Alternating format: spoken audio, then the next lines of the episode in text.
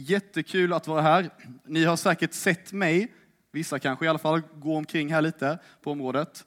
Uh, tanken var först att jag skulle bara komma hit och tala idag, men uh, sen så blev jag tillfrågad också att vara med i omsorgsteamet. Så jag hoppade på det. Det var jättekul att få vara med på hela det här lägret tillsammans med er.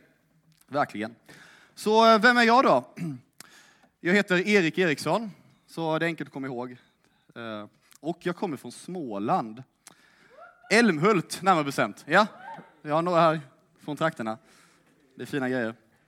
Och eh, jag eh, har dock de senaste, sedan sju år tillbaka, så har jag bott i Lund. Och eh, precis, och hängt mycket med Anna bland annat. Det, det är, det är fina grejer alltså. Eh, och jag har under den tiden pluggat till att bli präst. Så nu har jag ett halvår kvar till att vara präst. Så i februari så ska jag ut och arbeta i församling i Småland. Eh, något annat jag kan säga då, som ni lär känna mig lite mer då. Eh, jag gillar, jag gillar hålla på med musik, spela lite gitarr, sjunga, gillar vara i trädgården och, eh, och fixa lite. Jag gillar att skissa. Ja. Och jag gillar att resa.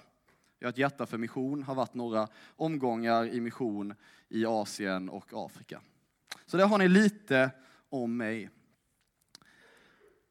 Men dagens tema, om vi nu börjar närma oss det. 100% Messias. Vad är det här lägrets tema? Minns någon det? Kanske? 100% Kristus. Alltså faktum är att egentligen är det så att 100% Kristus och 100% Messias, det är precis samma sak.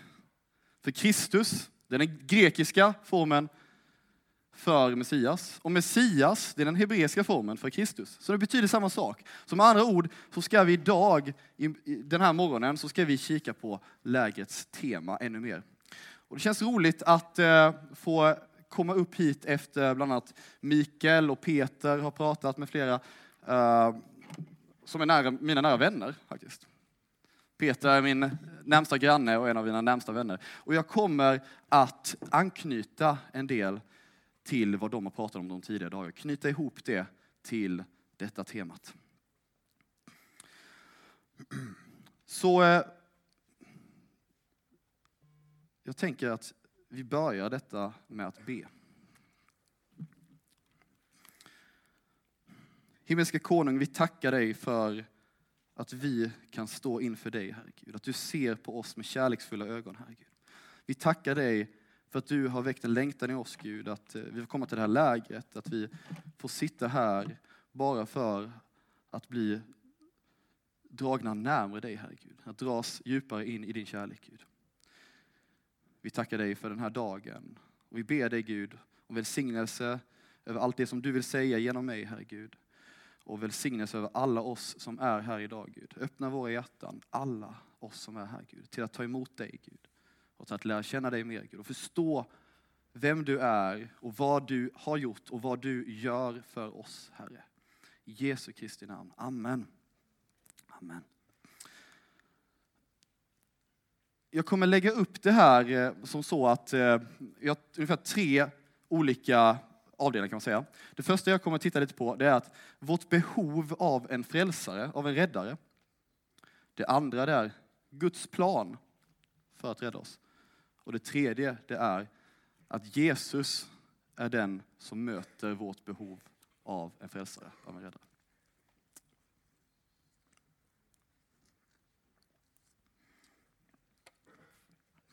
Vi behöver vatten, eller hur?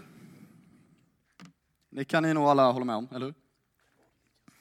Men, eh,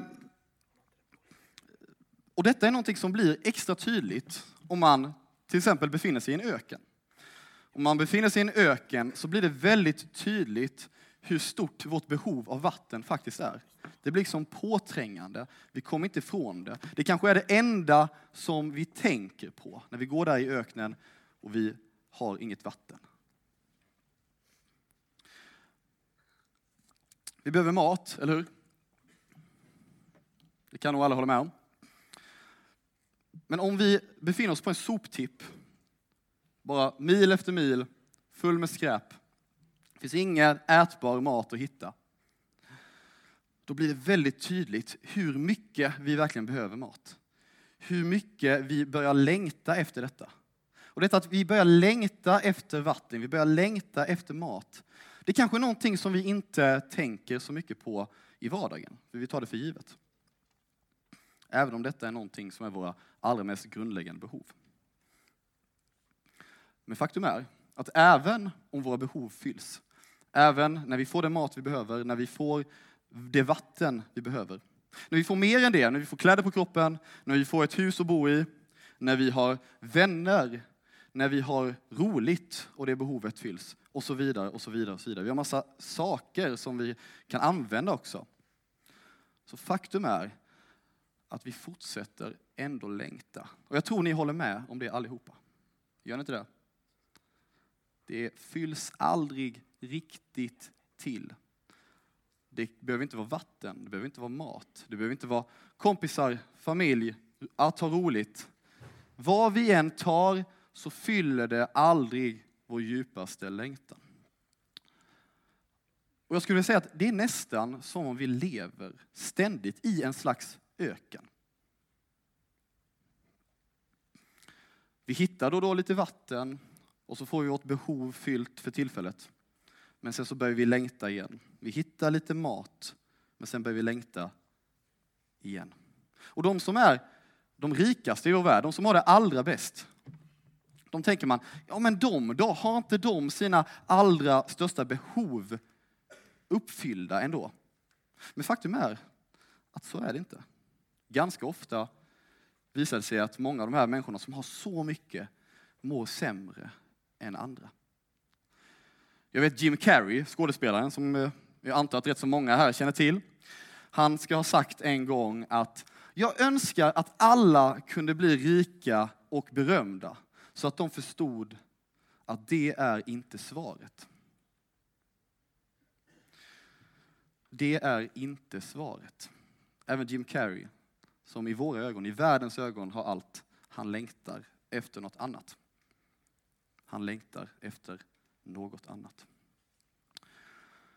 Så låt säga att vi befinner oss i en öken. Vi befinner oss i en öken utan vatten, utan mat. Vad skulle ni göra i den här öknen? Vad skulle ni göra? Någon?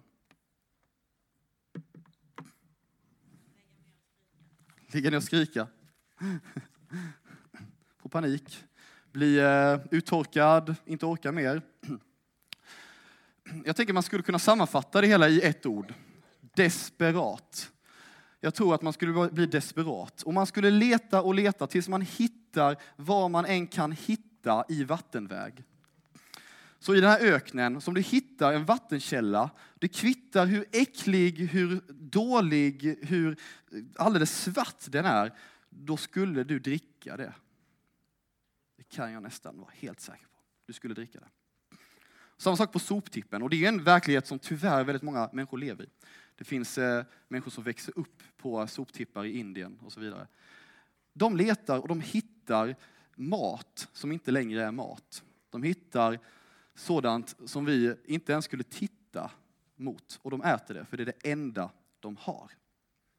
De är desperata.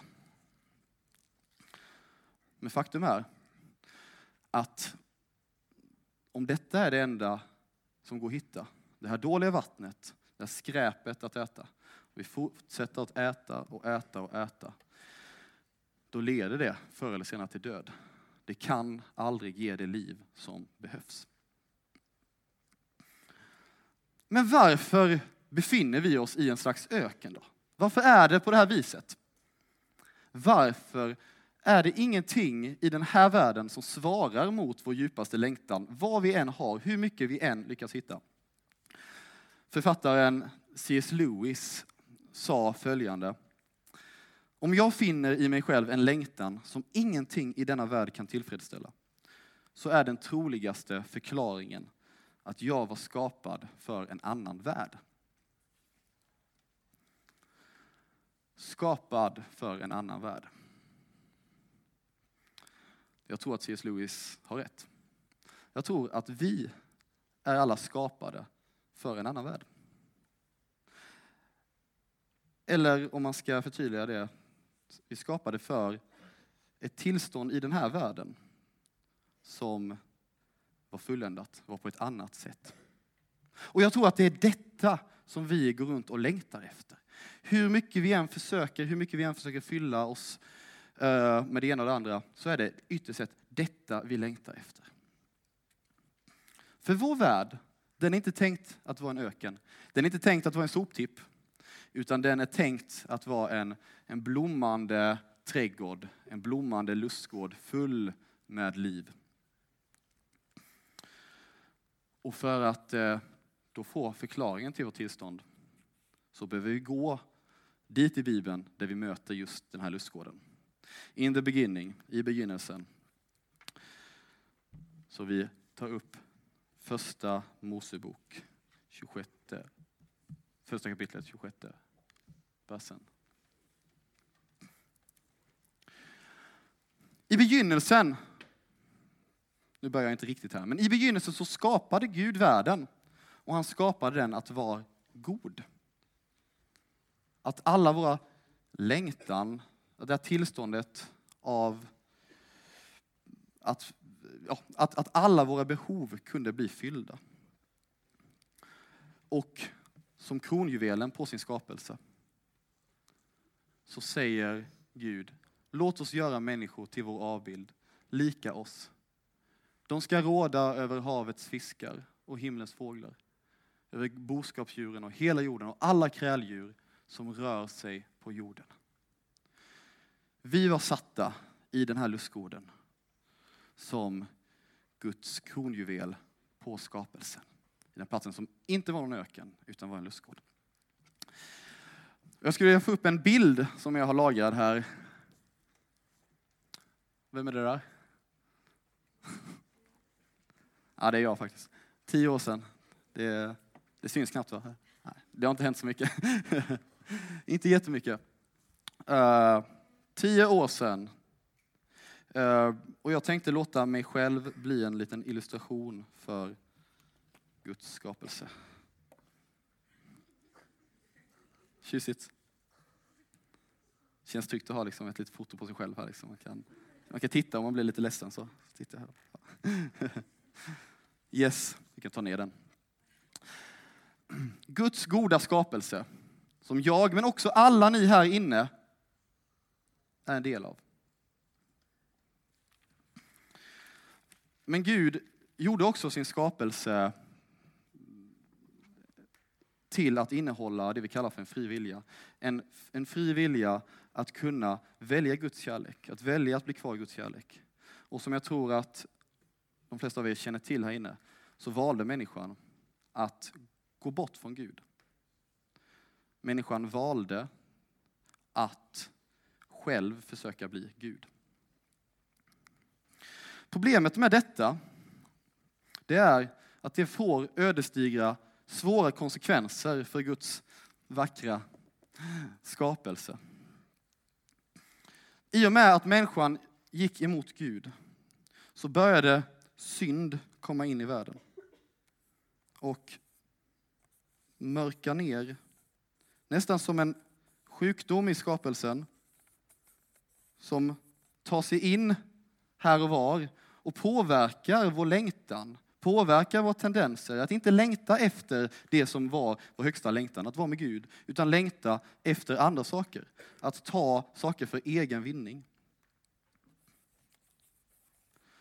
Och detta just synden, det är just motsatsen till att vara med Gud.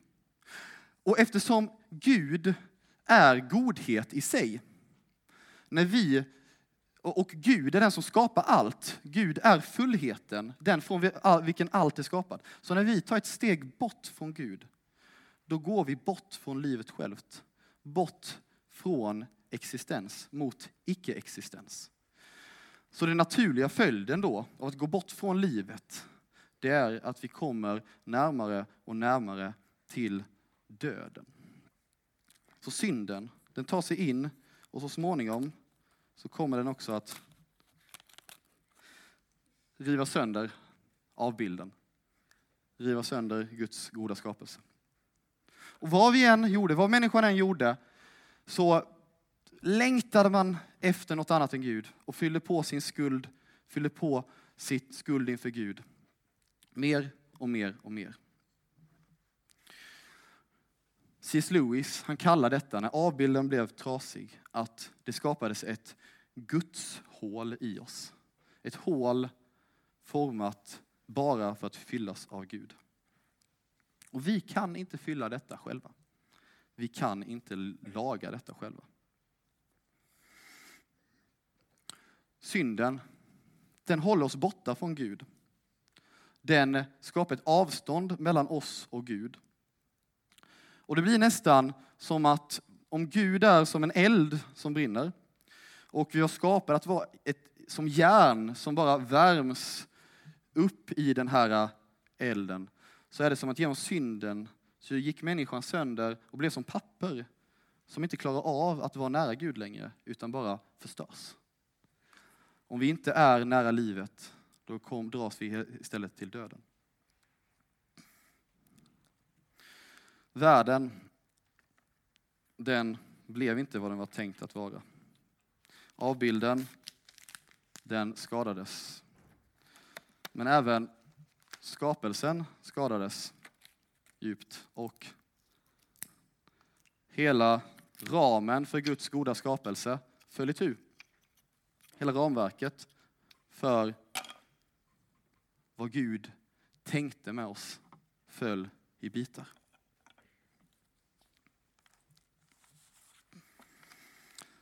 Det känns som en ganska dyster inledning det här kanske. Men vi måste börja här för att förstå vad det är vi behöver. Eller snarare, vem det är vi behöver. För vi behöver en räddare. Vi kan aldrig ta oss från det här tillståndet själva. Med en sönderfallen ramverk, sönderfallen skapelse och en skadad avbild. Vi behöver någon som tar hand om synden, som tar hand om skulden som lagas upp, som stoppar döden och som öppnar upp vägen för oss att leva med Gud, vilket vi var skapade för att göra. Och Bibelns gestalt för detta, det är Messias. Messias som betyder den smorde, den utvalde. Man brukade smörja i gamla tider den som blev kung, den som var utvald till sitt stora uppgift att vara kung. Eller den som skulle vara präst, som skulle tjäna i tempel inför Gud. Man smorde dem utvalda för sina särskilda uppgifter. Messias, det är den utvalde i Bibeln för att hantera synden, döden, skulden och dra människan och hela skapelsen tillbaka till gemenskapen med Gud. Och faktum är att Gud, han visar hur trofast han är, hur kärleksfull han är.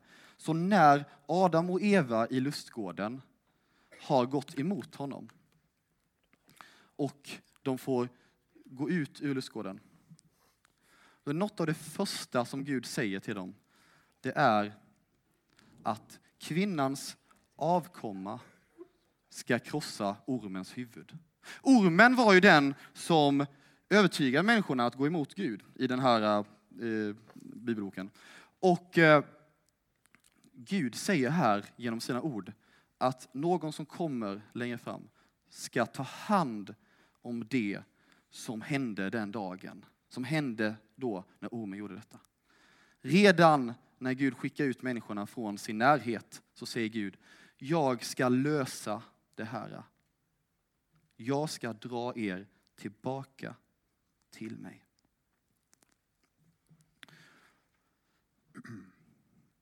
Detta var den första delen av detta. Vårt behov av en frälsare. Vårt behov, att vi behöver någon som tar hand om syndens, skulden döden och som drar oss in i Guds närhet igen. Och Det leder oss in i den andra delen som är Guds plan för att göra detta.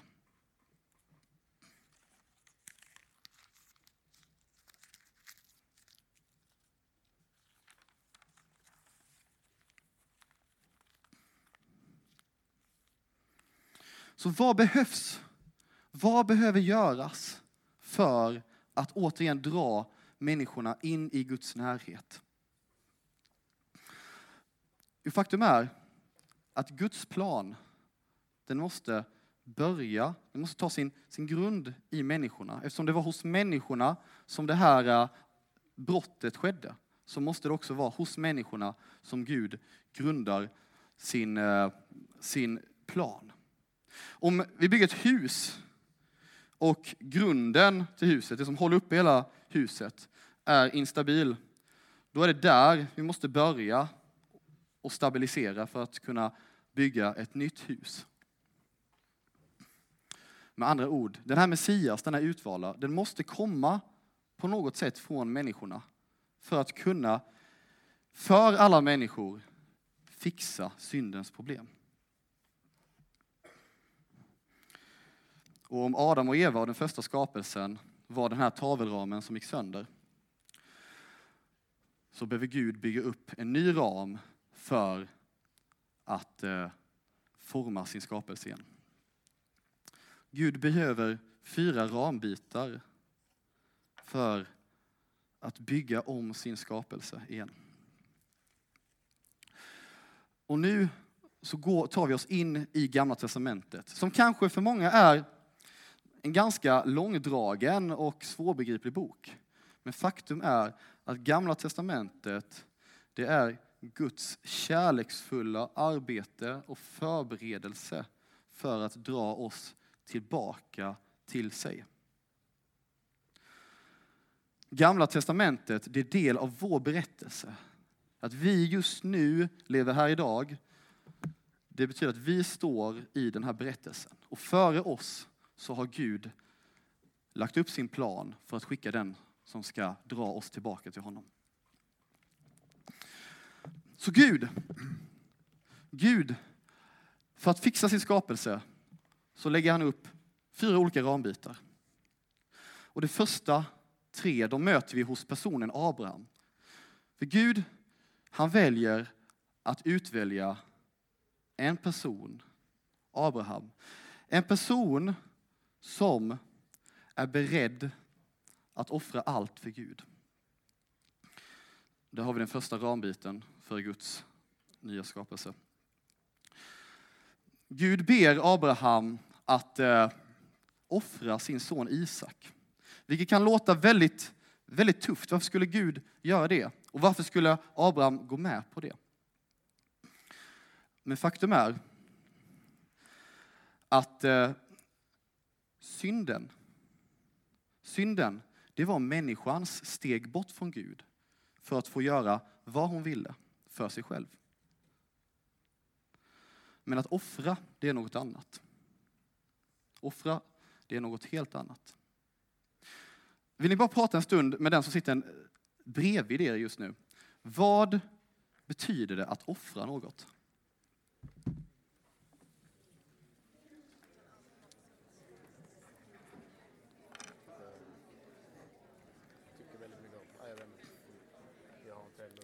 Yes, har ni några tankar? Vad innebär det att offra något?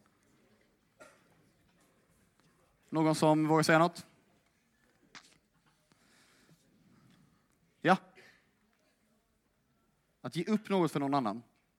Ja? Ja, ge upp något för någon annan. Jag sa att, att offra något är något helt annat än synden. Om synden då är att ta någonting för sin egen skull, att bara lyfta upp sig själv, så är att offra något, att ge upp något.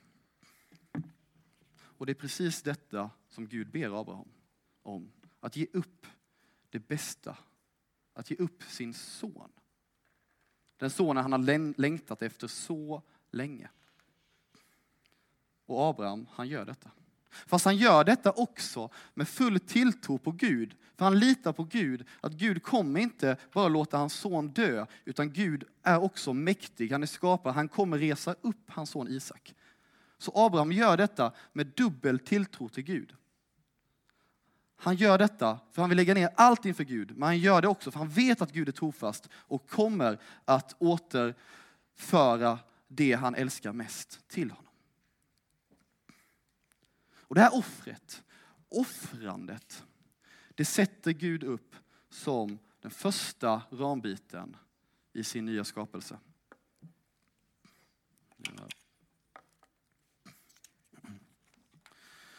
Det andra, det möter vi också hos Abraham.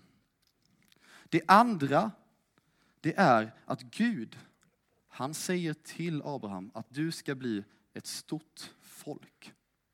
Att det ska bli ett stort folk av dig. Men vad innebär det då att vara ett folk? Vad innebär det att vara en, vara en grupp med människor tillsammans? Snacka lite kort om det också. Med den personen ni sitter bredvid.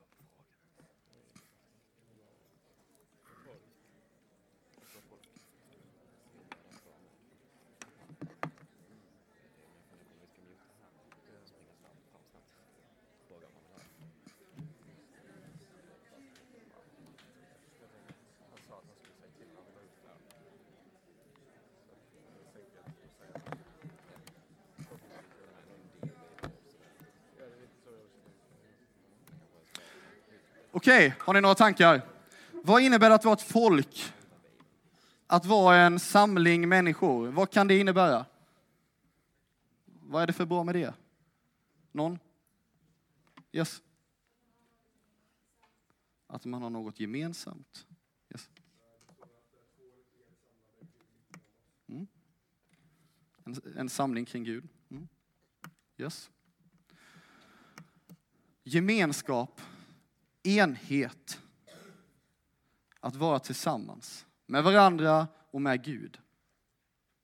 Detta sätter Gud upp som sin andra ram. Rambit. Och Gud, han kallar Abraham till ännu en sak, till en tredje sak. Och det är att ta dem som han har runt omkring sig, ta sin familj, de som ska bli ett folk. och Offra allt han har, lämna sitt land och gå till ett nytt land. Till ett land som Gud ska ge honom. Ett mål. Bort från det som är känt. Bort till något annat. För att hitta ett annat hem. Och jag vill att ni ska prata lite om det också. Vad innebär det att ha ett mål? Vad innebär det att hitta ett hem? Prata.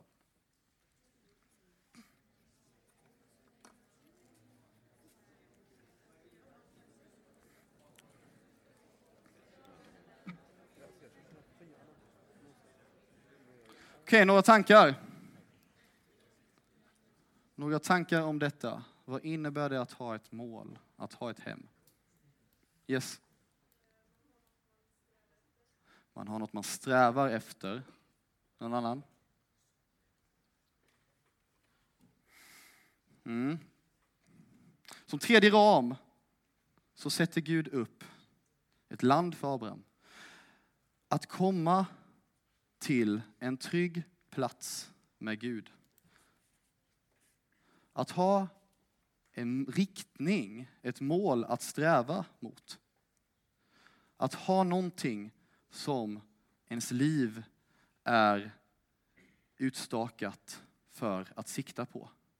Det sätter Gud upp som sin tredje ram. Men Gud slutar inte där, utan detta ger han till Abraham som går från sitt land, tar med sig alla han har nära och kära. De blir ett folk, de offrar det som ligger bakom. Men så småningom, en bra bit senare, så sätter Gud ut en fjärde ram för det här folket. Och den möter vi först hos personen Mose. Och det som Gud ger Mose, det är lagen. Lag sätter Gud upp som sin fjärde rambit. Och jag vill att ni ska prata även om detta. Varför behöver vi lagar? Varför är det bra att ha en lag?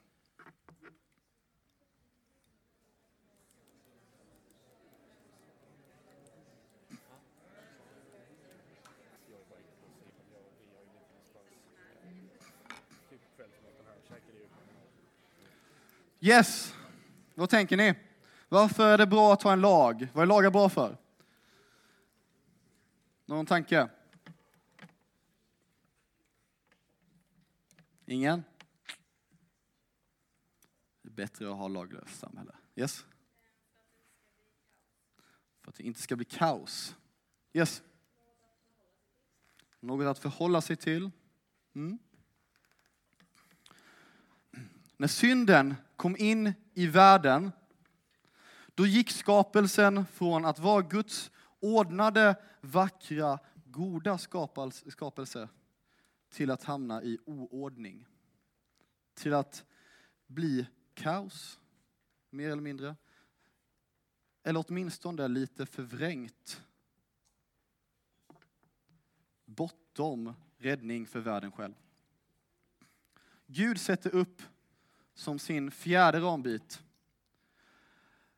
lagen som någonting som ska forma mänskligheten tillbaka till ordning, tillbaka till det som Gud tänkte med sin skapelse. Okej, okay.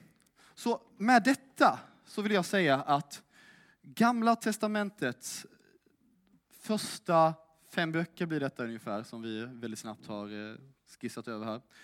De handlar om att Gud han lägger upp ett ramverk för att utifrån de här ramarna sen ska kunna göra en ny skapelse. Gud sätter samman de här fyra ramarna. Offret, folket, landet och lagen. Och de samlar det som Gud vill ska bli en ny skapelse. Det som återigen ska bli det som Gud tänkte med sin värld. Så med andra ord så handlar de här böckerna om, handlar den här första delen av Gamla Testamentet om hur Gud vill dra dig tillbaka till sig. Hur Gud lägger fundamentet, gör förberedelserna i varenda liten sak som han gör med det här folket på olika sätt och vis så lägger han fundamentet för att kunna rädda oss som sitter här idag.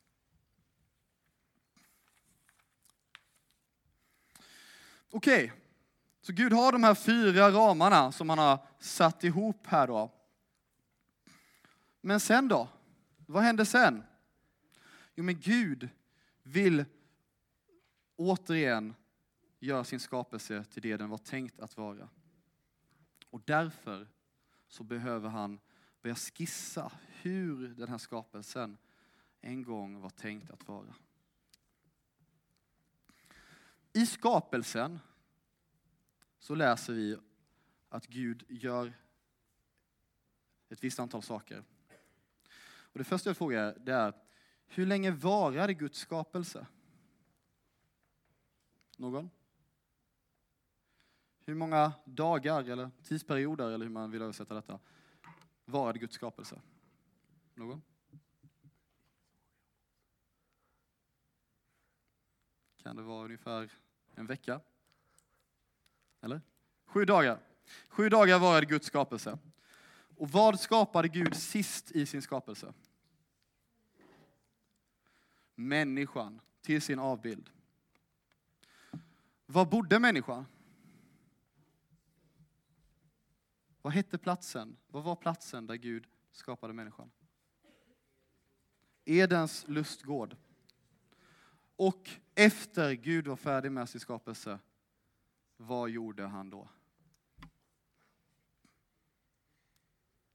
Han vilade. Gud vilade. Gud tog sju dagar, sju tidsperioder på sig att göra sin skapelse. Han skapade människan som kronverket, som avbilden, det sista han satte in i sin skapelse.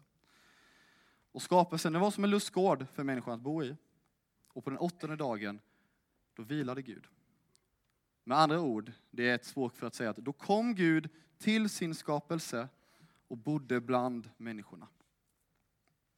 Det intressanta med detta, det är att när vi läser Gamla Testamentet och kommer lite längre fram, förbi Moseböckerna och vidare, då får folket instruktionen att bygga ett tempel.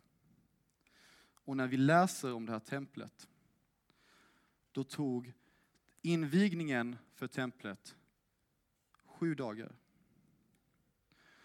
Det sista som sattes in i templet, det var arken. Eller i den här tidens tempel så satte man in avbilden av guden, det sista man gjorde i templet.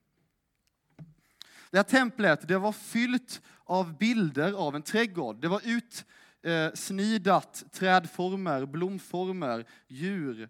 Och innanför, precis framför det innersta rummet i templet så stod två änglar, två keruber och vaktade vägen.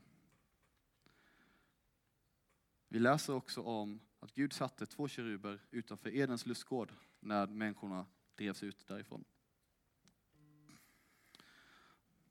Och det sista, det är att när templet har invigts, så i slutet av invigningen, när kung Salomo går med sitt folk och de inviger templet, då kommer Guds härlighet ner och vilar över templet med sin närvaro. Det Gud gör här, det är att han ber folket göra en liten skapelse mitt ibland dem.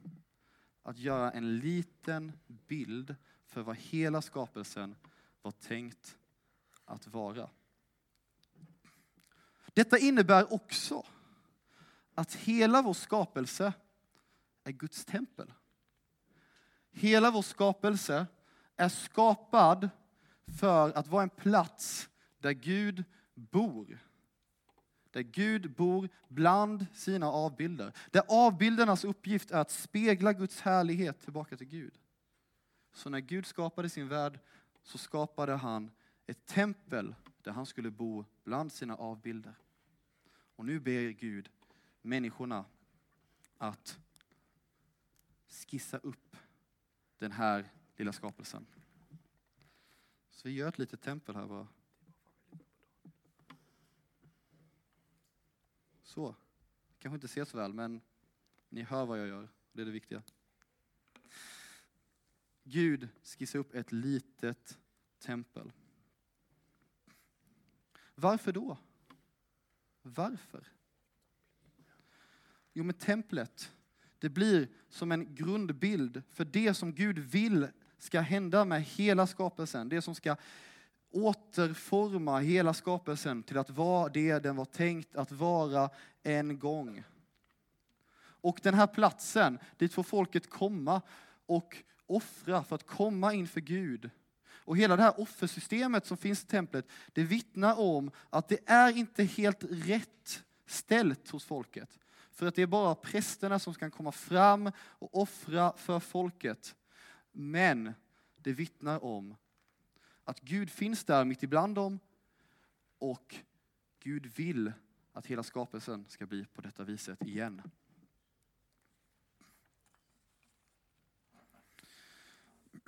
Vid tempelinvigningen i första kungaboken så säger Salomo, men kan då Gud verkligen bo på jorden?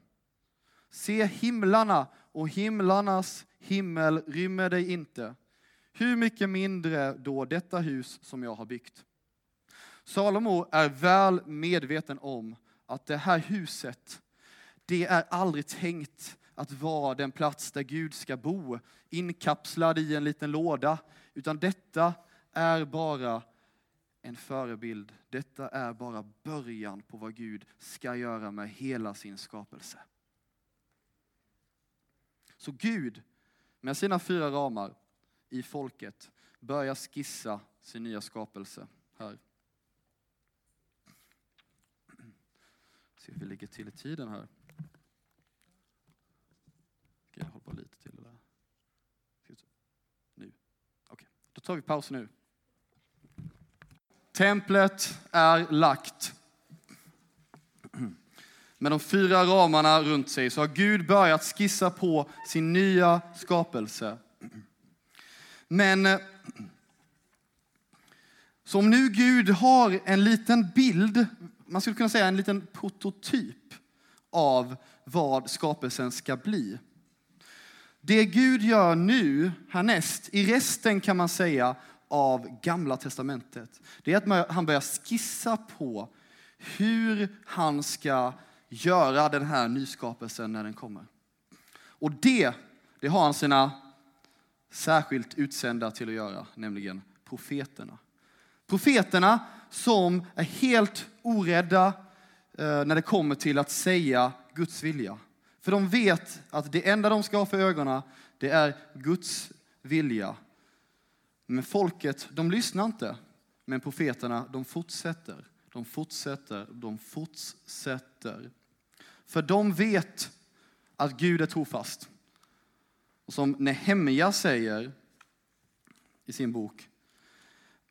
De vägrade att lyda och ville inte minnas de under som du hade gjort med dem. Men du är en förlåtande Gud, nådig och barmhärtig, sent till vrede och rik på kärlek, och du övergav dem inte. Profeterna, de vet att Gud ger inte upp, utan det enda Gud gör, det är att han skissar på sin plan att återställa allt. Folket, de är otåliga och vi människor, vi tenderar ganska ofta att vara lite otåliga kanske. Vi vill se resultat nu, vi vill att se att saker ska hända nu. Men folket, men, men Gud, han har tålamod med oss. Och profeterna, de fortsätter. Så det första som profeterna gör, det är att de skissar upp eh, förutsägelser om hur Messias ska komma. Och det handlar om saker som, som, saker som att Messias, när Messias kommer så ska han födas av en jungfru. När Messias kommer, då ska han sätta sig på Davids tron. Han ska komma från David, från kung Davids linje. Och han ska sätta sig där och etablera den för alltid. Han ska födas i den lilla staden Betlehem. Och när han kommer till Jerusalem, då ska han rida in på en åsna. De här små skissstrecken som eh, profeterna ger, det blir som små, små pilar för folket att rikta in sig och bli redo och veta när Messias, den de väntar på, faktiskt kommer. Och det är spännande, man kan kika på de här, det finns massa i Gamla Testamentet. Men det mest intressanta, det är det andra som profeterna gör. Nämligen, de visar hur Messias, när han kommer, ska fullborda det som ramarna bara är en förberedelse för. Och eh, då följer profeterna, kan man säga, de här fyra olika ramarna för att berätta om hur Gud ska använda de här för att fullborda det som han har lovat. Hur han ska ta bort synden, hur han ska ta slut på döden, hur han ska leda människorna tillbaka till sig. Och folket, de har ju i sitt tempel så har de offersystemet. Och folket i sin otålighet, de tänker kanske lätt att ja, ja, men det är bra så här, vi fortsätter med detta. Men profeterna, de har högre förväntningar än sånt. För de säger att Gud har högre planer än detta. Gud har högre planer än bara de här små offren i templet. Och Jesaja han säger om detta, den dagen, den dagen då Messias kommer, då ska Herren återlyfta sin hand för att friköpa de som är kvar av hans folk. Och i sitt eh, 53 kapitel, vi kan ta upp den, så säger också Jesaja eh, i, vers 50, eh, i vers 5 där. Han blev genomborrad för våra brott, slagen för våra synder. Straffet blev lagt på honom för att vi skulle få frid och genom hans sår är vi helade. Vi gick alla vilse som får, var och en gick sin egen väg, men all vår skuld la Herren på honom. Detta är något helt annat än offren som folket möter i templet. Där det kommer enstaka offer som de kanske nöjer sig med att ja, ja, men det här funkar ju, det här är bra. Jesaja blir som Guds penna som skissar på att den dagen, då ska Gud ta hand om alla synder. Det folket får genom offren, genom templet, det är tillfällig närhet till Gud tillfälligt möte med Gud. Det Jesaja talar om, det är fullständigt utplånande av synden. Så detta är det första som, som profeterna talar om. De talar om offren. Den var dålig. Offret ska Gud fullborda den dagen. Det andra, minns ni den andra ramen i offret? Det andra ramen som Gud satte upp var folket. Då, när folket levde, då vilade de på att de var utvalda av Gud. Vi är Guds utvalda. Och de var ganska nöjda med det. De kände, men vi har det bra här. Gud tar hand om oss. Men profeterna, de pekar på att Gud vill något mycket större än bara utvälja ert lilla folk. Kan vi få upp nästa bibelställe?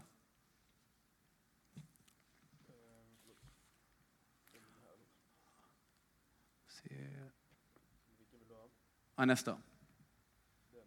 Yes.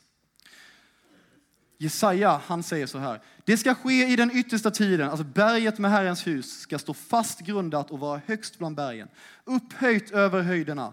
Alla hedna folk ska strömma dit. Många folk ska gå iväg och säga, kom, låt oss gå upp till Herrens berg, till Jakobs Guds hus. Han ska lära oss sina vägar för att vi kan vandra på hans stigar. För undervisning ska gå ut från Sion, Herrens ord från Jerusalem. Gud Guds plan är inte bara med det här lilla folket. Guds plan, det är med hela mänskligheten. Och det talar Jesaja om, det talar profeterna om.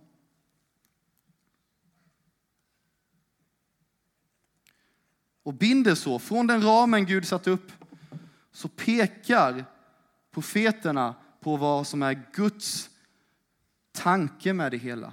Guds tanke är inte bara offret utan det offret pekar på. Guds tanke är inte bara folket, utan det som folket pekar på. Och den tredje ramen, eh, nej, jag ska säga en sak till om detta. Eh, att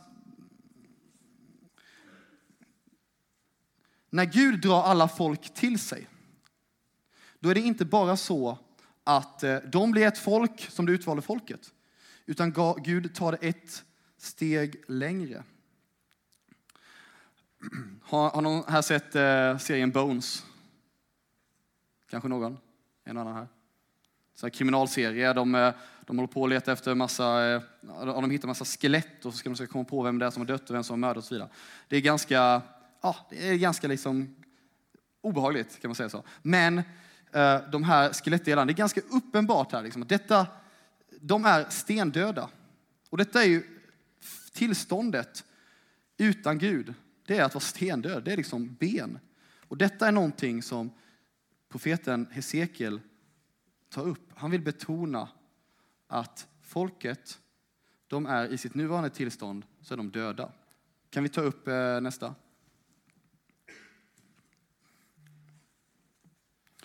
Hesekiel, han, han tas genom Herrens ande bort och han får se en dal full med ben. Och eh, då säger Herrens ängel till honom, människobarn, kan de här benen få liv igen? Jag svarade, Herregud, du vet det. Då sa han till mig, profetera över dessa ben och säg till dem, ni förtorkade ben, hör Herrens ord. Så säger Herren Gud till dessa ben, se jag ska låta ande komma in i er så att ni får liv. Jag ska sätta senor på er och låta kött växa ut på er och täcka er med hud och ge er ande så att ni får liv och ni ska inse att jag är Herren. Så Gud nöjer sig inte med att bara utvälja det här lilla folket. Gud vill omfamna hela mänskligheten. Men Gud vill inte bara omfamna hela mänskligheten och ena till ett folk, utan Gud vill ge hela mänskligheten som i sig själva är döda, liv. Gud har så mycket högre planer än folket anar. Folket som vilar i det att de är utvalda av Gud. Och profeterna, de pekar, även om folket inte lyssnar, så pekar de vidare på vad Gud vill. Då har vi de två sista ramarna här. Och den näst sista, det är landet. Gud har gett folket templet som en prototyp för den trygga platsen, för platsen för gemenskap med Gud. Men profeterna, de vet att Gud har högre tankar än så. Om ni minns eh, Peters undervisning igår så talade han om hur profeten Hesekiel talar om att det ska komma ett nytt tempel och ur det här templet så ska det flöda ut vatten. Vatten som ska ge världen runt omkring liv. Världen, öknen runt omkring ska leva och ska blomma igen. Gud nöjer sig inte bara med en tempelbyggnad. Gud vill att människorna ska kunna bo på en plats som är det som han tänkte att den skulle vara för dem. En trygg plats skapad för dem. Och Jesaja säger i 7.14, sitt sjunde kapitel, att eh, när jungfrun ska bli havande, när Messias ska komma, då ska ett barn födas som ska heta Immanuel. Immanuel som betyder Gud med oss. Folket, de är nöjda med att, mer eller mindre med att uh, Gud, han finns i templet. Vi kan gå dit, så möter vi Gud där. Men problemet är, som Peter också nämnde igår, det är att när folket gång på gång på gång gick bort från Gud, så till sist så lät Gud templet förstöras och hans härlighet lämnade templet. Det Jesaja säger, när folket är förtvivlade, folket är förtvivlade och de vet inte vad som ska ske. Så säger Hesekiel, det ska komma ett nytt tempel, ett nytt tempel som det ska flöda levande vatten ut och det ska strömma ut liv och det ska bli som en lustgård igen. Men Jesaja, han säger något ännu större. Han säger att det ska komma en som ska vara Gud med oss.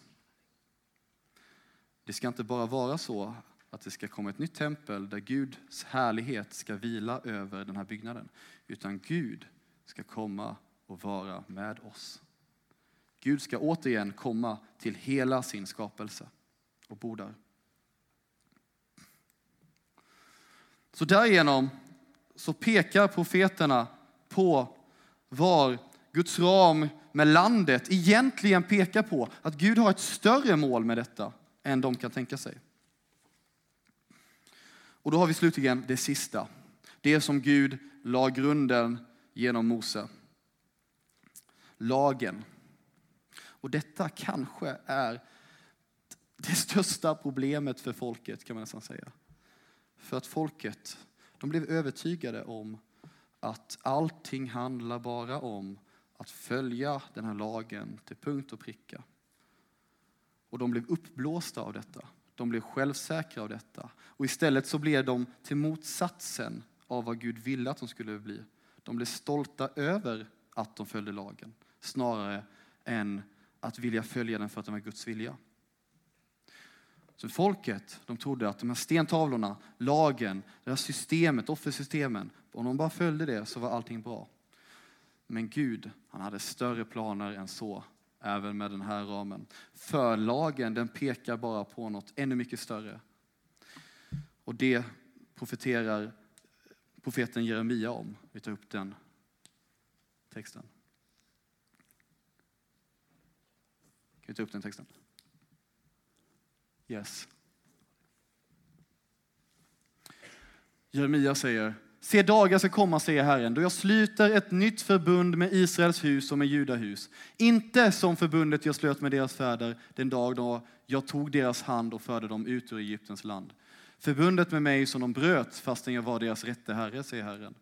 Nej, detta förbundet som jag efter denna tid ska sluta med Israels hus, säger Herren. Jag ska lägga min lag i deras inre och skriva den i deras hjärtan. Jag ska vara deras Gud och de ska vara mitt folk. Då ska de inte mer behöva undervisa varandra. Ingen sin broder och säga lär känna Herren.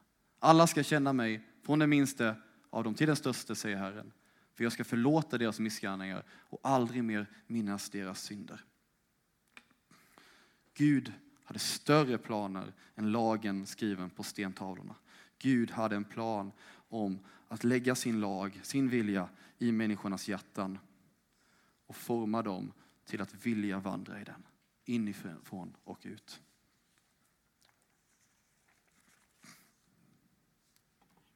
Så har vi längst ner, jag vet att ni ser inte detta och det är inte, behöver ni inte heller. Utan det ni behöver se, det ni behöver veta, det är att Gud genom sina profeter, genom sitt tempel har satt en prototyp. För sju år sedan så läste jag till arkitekt innan jag blev kallad till att bli präst. Så eh, jag gillar att tänka i det här med eh, prototyper och skisser och liknande. Och jag tänker att Gud, när han satte sitt tempel, då var det en prototyp, en bild för hur skapelsen skulle vara. Och profeterna då, de blev pilarna som pekade var ramarna var tänkta att bara vara förberedelser inför. Så offret, folket, landet, lagen, det ska alltihop vara ett fundament, en skiss, en förberedelse för vad Gud vill göra. Och vad Gud vill göra, vad Gud vill göra genom detta. När han pekar alla de här fyra bitarna in mot sitt tempel, in mot bilden av sin skapelse så den var tänkt att vara. Det är att göra en ny skapelse. Gud vill göra en helt ny skapelse. Och hela gamla testamentet handlar om detta. Hur Gud förbereder sin värld, förbereder sitt folk, förbereder alla människor genom sitt folk på en ny skapelse. Där vi återigen får bo med Gud.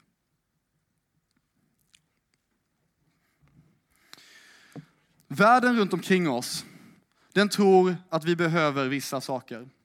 Det finns väldigt mycket livsfilosofier idag. Och jag tror att det är en följd av att, precis som jag började prata om, så nu när vi har det så bra idag på många platser, vi har vatten, mat, kläder, allt det där eh, är någonting som väldigt många i alla fall inte behöver tänka så mycket på, i vår del av världen i alla fall.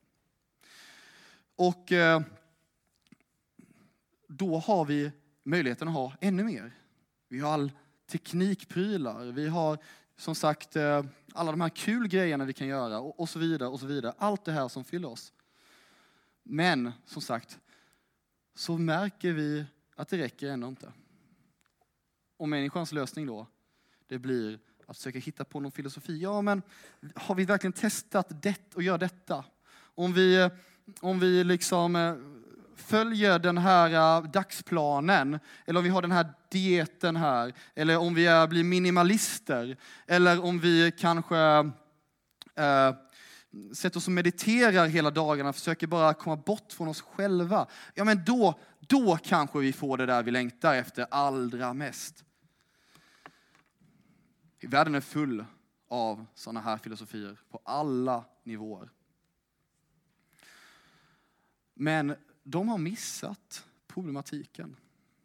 Problematiken som målas upp i skapelseberättelsen och därefter. Problematiken att genom fallet så har synden kommit in i världen. Vi har en skuld att bära. Vi kommer dö. Och vi är skilda från Gud som är vår källa till liv och målet för vår längtan. Och eh, det är ingenting som vi kan lösa själva. Det är ingenting som vi kan lösa själva. Och därför så har, som sagt, Gud valt, eftersom vi inte kan lösa det själva, att lösa det åt oss. att göra en ny skapelse från grunden. På slutet av 200-talet, nästan 300 år efter Jesu eh, födelse, så fanns det en man som hette Athanasius som var biskop runt Medelhavet. Ungefär. Han sa så här. Att när en avbild, när en avbild har gått sönder, när en avbild inte är vad den var tänkt att vara, då måste den som eh, avbilden föreställer komma tillbaka så att man kan fixa avbilden. Så att man kan rita den igen, så man kan göra om den. Med andra ord, vi började med, med min avbild här. Bilden, det här var min avbild. Med andra ord så säger Athanasius, den här biskopen, att för att vi ska kunna återställa den här så behöver jag komma tillbaka och sitta modell för att kunna återskapa den här avbilden igen. Saken är den att den enda, nu när vi gått igenom förväntningarna och skissen och prototypen och allt det som Gud har förberett, den enda som kan svara mot det här kravet, den enda som faktiskt är avbilden, är den som skapelsen är en avbild av, som kan komma tillbaka. Det är Jesus Kristus. Det är Gud själv. Gud själv måste komma tillbaka för att avbilden ska kunna återställas.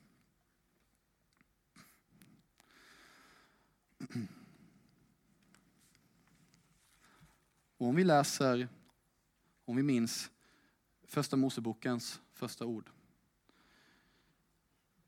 När Gud säger ljus var till. När Gud talar ut. Då möter vi den vilkens avbild hela, alla vi är.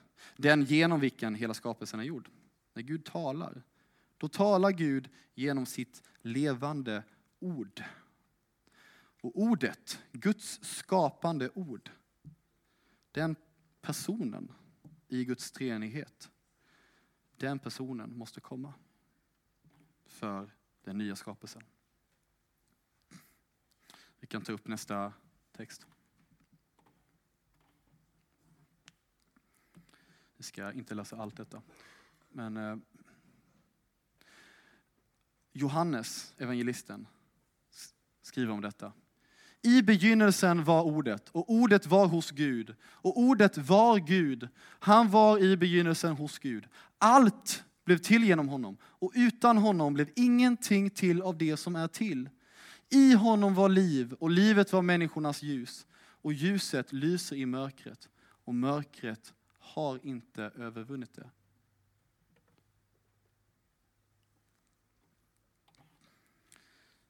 I begynnelsen var ordet. Det intressanta det är när Johannes, när han är äldre och skriver sina brev, Johannesbreven. Så i sitt första brev så skriver Johannes att ordet, det som var av begynnelsen, det har kommit nära. Så att vi har kunnat skåda det med våra ögon. Så att vi har kunnat ta vid det med våra händer. Med andra ord säger Johannes att jag har mött det levande ordet som har kommit till oss och levt bland oss.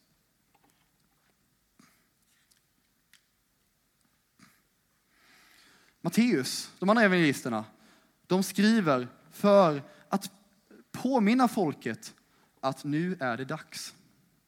Matteus han ägnar sig väldigt mycket åt de här små pilarna som jag talade om innan. Att, men se, han är här.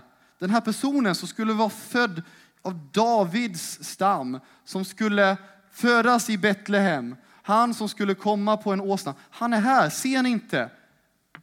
Allt pekar mot honom. Men folket, upptagna med var och varje enskild ram. Och lagen för sig. Att vi är ett utvalt folk för sig kanske. Offersystemet för sig. Och landet, deras älskade land, att de får vara där för sig. Blev förblindade De blev förblindade av förebilden, av skissen. De såg inte när han var där.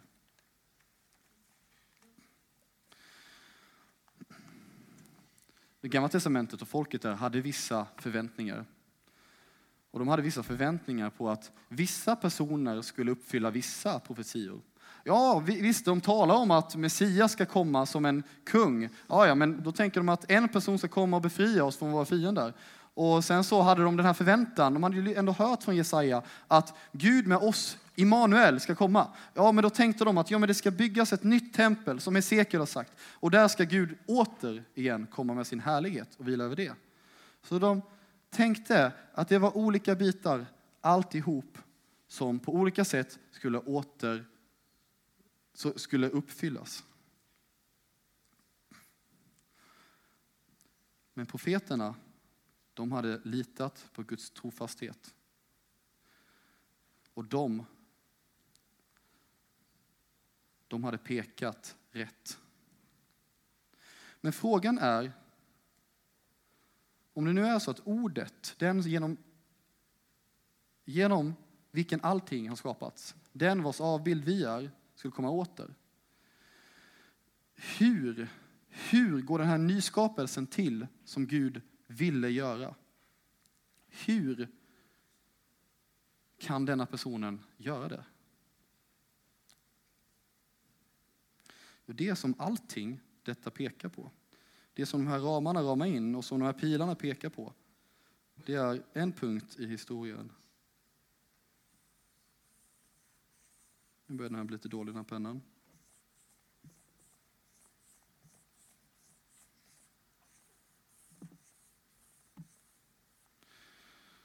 men det är korset.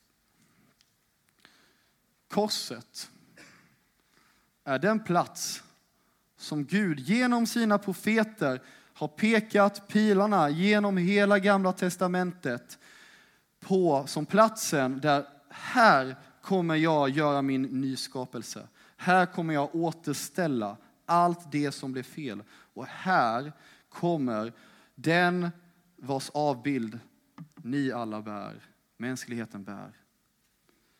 Återigen, rita avbilden rätt igen. Men hur går detta till på korset då? Hur, hur gör Jesus detta på korset? Jesus som är ordet. Då måste vi gå tillbaka återigen till de här fyra ramarna som jag började till. För att se, vad är det som faktiskt händer på korset? Den första ramen, offret som Gud la upp som ett första fundament. Folket hade sin förväntan kring detta. Och Jesaja han pekade på att en dag ska det komma en som ska friköpa er fullt från synden och från skulden. När Jesus hänger på korset, då säger han, Herre, förlåt dem de vet inte vad de gör. På korset så kommer Gud med sin förlåtelse. Kan vi ta nästa text? Paulus, han skriver om detta i sitt tredje kapitel. Alla har syndat och saknar härligheten från Gud och de förklaras rättfärdiga som en gåva av hans nåd därför att de är friköpta av Kristus Jesus. Honom har Gud ställt fram som en nådastol genom tron på hans blod. Så ville han visa sin rättfärdighet eftersom han i sitt tålamod hade lämnat de tidigare begångna synderna ostraffade. I den tid som nu är vill han visa sin rättfärdighet, att han både är rättfärdig och förklarar den rättfärdig som tror på Jesus. På korset så blir Jesus det ultimata offret. Offret som tar hand om synden. Offret där Jesus går in och ställer sig i vårt ställe och tar skulden, tar straffet på sig och utplånar det. Offret som vi i början, som ni sa i början, är att ge upp någonting. Där Jesus ger upp sig själv fullständigt och därigenom utplånar all synd. Och som jag också nämnde i början, så är det ju så att eftersom problemet började i mänskligheten, så är det så att det är bara en människa som kan komma och stå där i en människors ställe. Men det är också så att eftersom problemet var så djupt att det skadade hela skapelsen, så är det också bara den som skapade, bara den som satt modell för hela skapelsen, som måste komma tillbaka för att fixa detta. Gud själv. Med andra ord så måste Jesus vara den som är 100% människa och samtidigt 100% Gud i ett. Och på korset så gör, så gör just Jesus detta att han utplånar synden. Guds svaghet, genom att gå ner i svagheten, så slukar han syndens styrka. Synden, den handlar ju om att just ta något för sig själv.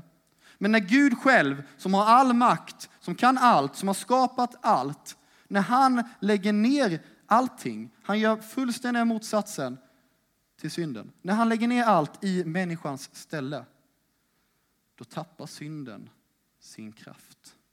Då äts den upp av Jesus. Och straffet som skulle ha legat på oss, det slukas i Jesus. Och detta, det onda, djävulen, det onda runt omkring som ville i begynnelsen dra människan bort från Gud.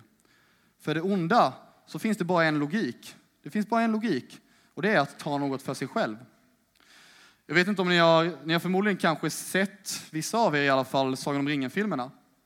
Och, eh, men en sak som inte lyfts så bra i de filmerna tycker jag, men som är väldigt tydligt i böckerna, det är att Sauron, som har skapat maktens ring, han är förblindad av att använda den här ringen för att ha makt. Så i hans ögon så finns det inget annat alternativ för någon annan än att ta makten för sig själv och försöka upphöja sig själv.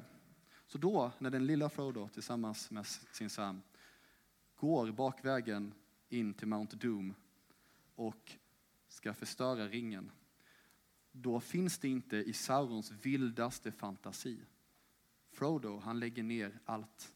Han lägger ner den makten som han hade i sin hand. Och då besegrar han den makten som handlar om att ta någonting för sig själv. Den slukas. Och det blir också en bild för vad som händer med vår synd på korset. Den slukas i Jesu offer. Det andra som händer, det är när Jesus tar hand om den andra ramen och fullbordar det som händer där. Hesekiel, han talade om hur folket, som den andra ramen då, han talade om en dag ska de torra benen få liv. Det är inte bara så att Jesus, han hänger där på korset och sen dör han, tar skuld och sen är allt över. Utan på tredje dagen, när kvinnorna kommer till graven, då möter de en ängel som säger till dem, varför söker ni den levande här bland de döda? Han är inte här, han har uppstått. Döden kunde inte hålla Jesus. Det var inte bara så att straffet, att synden som krossades på korset, krossades, utan döden som var följden av straffet var en konsekvens av det. Konsekvensen av att gå bort från livet var döden. Döden den kunde inte hålla Jesus i sitt grepp. Utan Jesus, han högg ett hål rätt igenom döden med sitt offer. Vi kan ta upp nästa bibelställe. I första Korinthierbrevet skriver Paulus, du död, var är din seger? Du död, var är din udd? Dödens udd är synden och syndens makt kommer av lagen. Men Gud var ett tack som ger oss segern genom vår Herre Jesus Kristus. Genom att krossa synden, genom att med sitt offer lägga ner allt och äta upp synden, så krossar också Jesus döden. För döden är, som jag sa, följden av synden. Döden är att gå bort från Gud, vilket är synden, så följer döden. Men om synden är krossad, då slukas även döden. Jesaja, han profeterade även om att Gud skulle dra alla folk till sig. Men vi tar nästa bibelställe. I korset så sker att alla är ni Guds barn genom tron på Kristus Jesus. Alla ni som blivit döpta till Kristus har iklätt er Kristus. Här är inte jude eller grek, slav eller fri, man och kvinna. Alla är ni ett i Kristus Jesus. Och om ni tillhör Kristus är ni avkopplingar till Abraham, arvingar efter löftet. I korset, när Jesus korsar synden, gör ett hål i döden, då drar han även alla folk till sig. Och genom dopet så får vi del av detta. Vi får gå ner i, i Jesu död och få ta emot av nåd, av Guds rika kärlek får vi ta emot att vi blir ett i honom. I, han, I honom så samlas alla oavsett folkslag.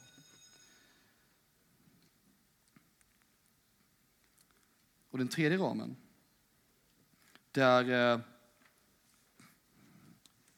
där Jesaja talade om hur eh, landet, den platsen som ni ska föras till, ska vara en plats där Gud ska bo bland oss. Den plats där Gud, Gud ska komma och vara Immanuel, Gud med oss. Det fullbordas i Jesus genom att Jesus efter sin uppståndelse, när han gör ett hål i döden, då, när han säger i Johannes evangeliet, tro mig när jag säger att jag är i Fadern och Fadern i mig. Då blir han den härlighet som folket trodde en gång skulle komma tillbaka till ett nytt tempel och falla ner över templet. Den blir Jesus. Han blir den härlighet. Han är den härlighet. Han är Gud som kommer bland människorna. Och det leder oss till den sista ramen som Jesus fullbordar, som han drar ihop och fullbordar. Nämligen lagen. För när Jesus när Jesus är Gud med oss, den som kommer till oss, när han sedan på pingstdagen, när han går till Gud, sänder sin ande, då sänder han sin ande till att bo i människors hjärtan och skriva sin lag där.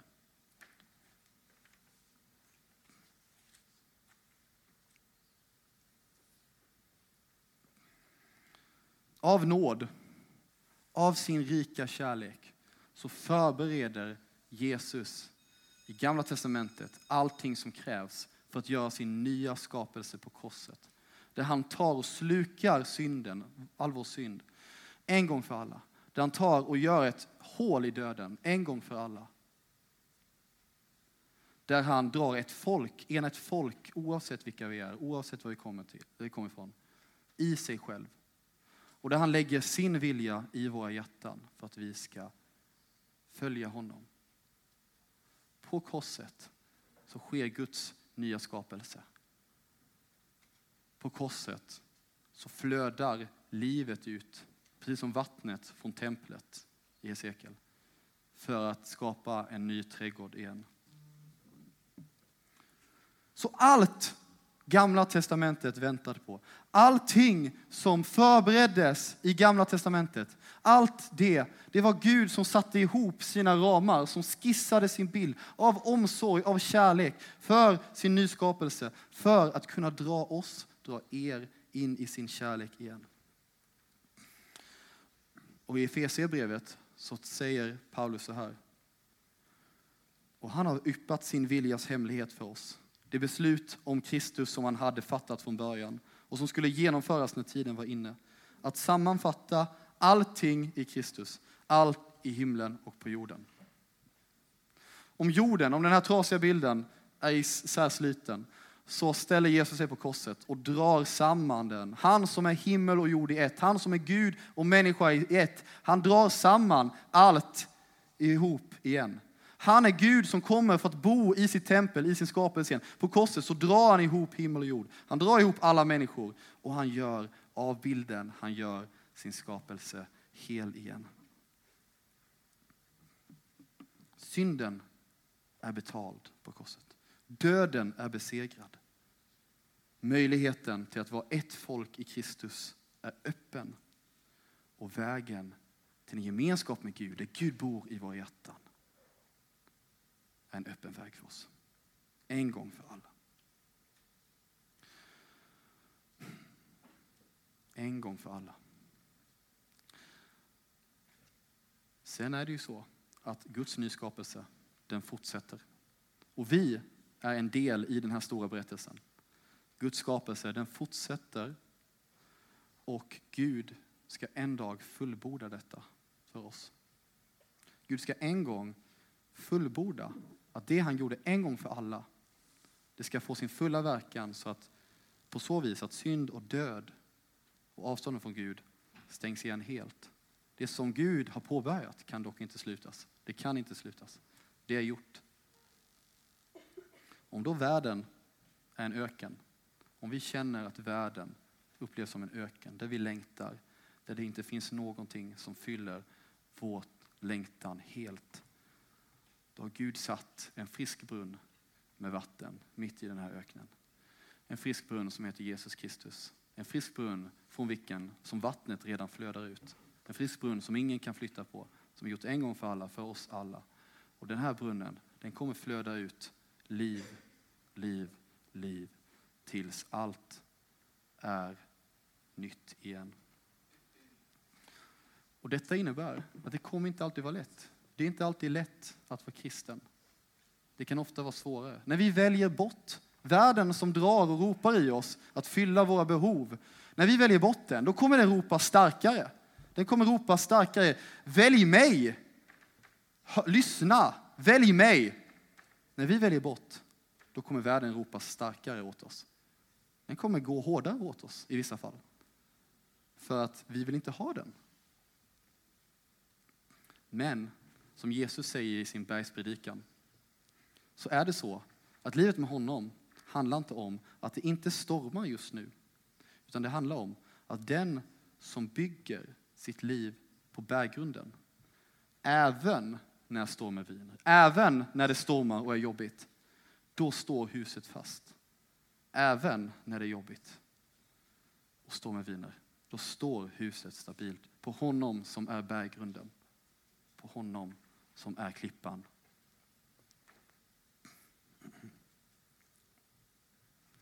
Och detta innebär att för oss så kan vi vara trygga i att vi kan vila på den här berggrunden. Vi kan, precis som att synden en gång skilt oss från, från vårt träd, från vår rot och klippt loss människan, så i, i Kristus som är växten, roten som ger oss liv, om vi, som Jesus säger i Johannes evangeliet, blir kvar i honom, om vi lägger oss på honom, ger våra liv till honom, då, då får vi liv. Och Jesus, han älskar oss så mycket. Och det enda vi behöver göra är att komma med allt vi har och lägga oss på honom. Allt vi har och ge det till honom. Även när det är svårt, även när vi känner oss dåliga, även när vi känner att jag klarar inte av att vara kristen ens. Lägg det på Jesus. Jag känner mig som en dålig kristen, eller jag, jag klarar inte av att följa detta och detta. Jag klarar inte. Nej, det handlar inte om det. det handlar. Lägg det på Jesus. Lägg det på Jesus. Bygg ditt hus på stengrunden. Ta livet i öknen från källan. Ligg vid källan och drick vattnet. Och eh, jag skulle vilja avsluta med att, om vi eh, ser att eh, tiden drar iväg här, att eh, om ni blundar och så sätter vi på en eh, text. Nu kommer jag på att jag har min bibel här nere, så det är inte så smart. Men så ska jag läsa en avslutande text. Att på vår vandring med Jesus så kan vi lita på att han har gjort allt för oss. Att vi kan vila i honom. Vi kan bara vila på honom. För en dag så kan vi vara säkra på att han ska fullborda allt. Och det vill jag att ni ska lyssna på nu. Som ni blundar och sätter vi på musiken.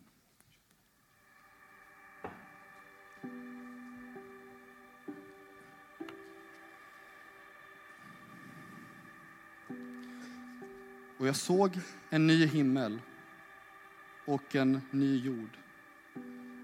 Ty den första himlen och den första jorden var borta. Och havet fanns inte mer. Och jag såg den heliga staden, det nya Jerusalem, komma ner ur himlen, från Gud, redo som en brud som är smyckad för sin man. Och från tronen hörde jag en stark röst som sa, se, Guds tält står bland människorna och han ska bo ibland dem och de ska vara hans folk. Och Gud själv ska vara hos dem och han ska torka alla tårar från deras ögon. Döden ska inte finnas mer och ingen sorg och ingen klagan och ingen smärta ska finnas mer. Ty det som en gång var är borta. Och han som satt på tronen sa, se, jag gör allting nytt. Och han sa, skriv, ty dessa ord är trovärdiga och sanna. Och han sa till mig, det har skett, jag är alfa och omega, början och slutet. Jag ska låta den som törstar dricka fritt ur källan med livets vatten. Den som segrar och ska vinna allt detta. Och jag ska vara hans Gud och han ska vara min son. Gud har segrat. Jesus har segrat. Halleluja. Och Jesus, hos Jesus, ni kan titta nu, så finns det nya skapelsen. För han har förberett allt för oss. Vila hos källan. Låt oss be.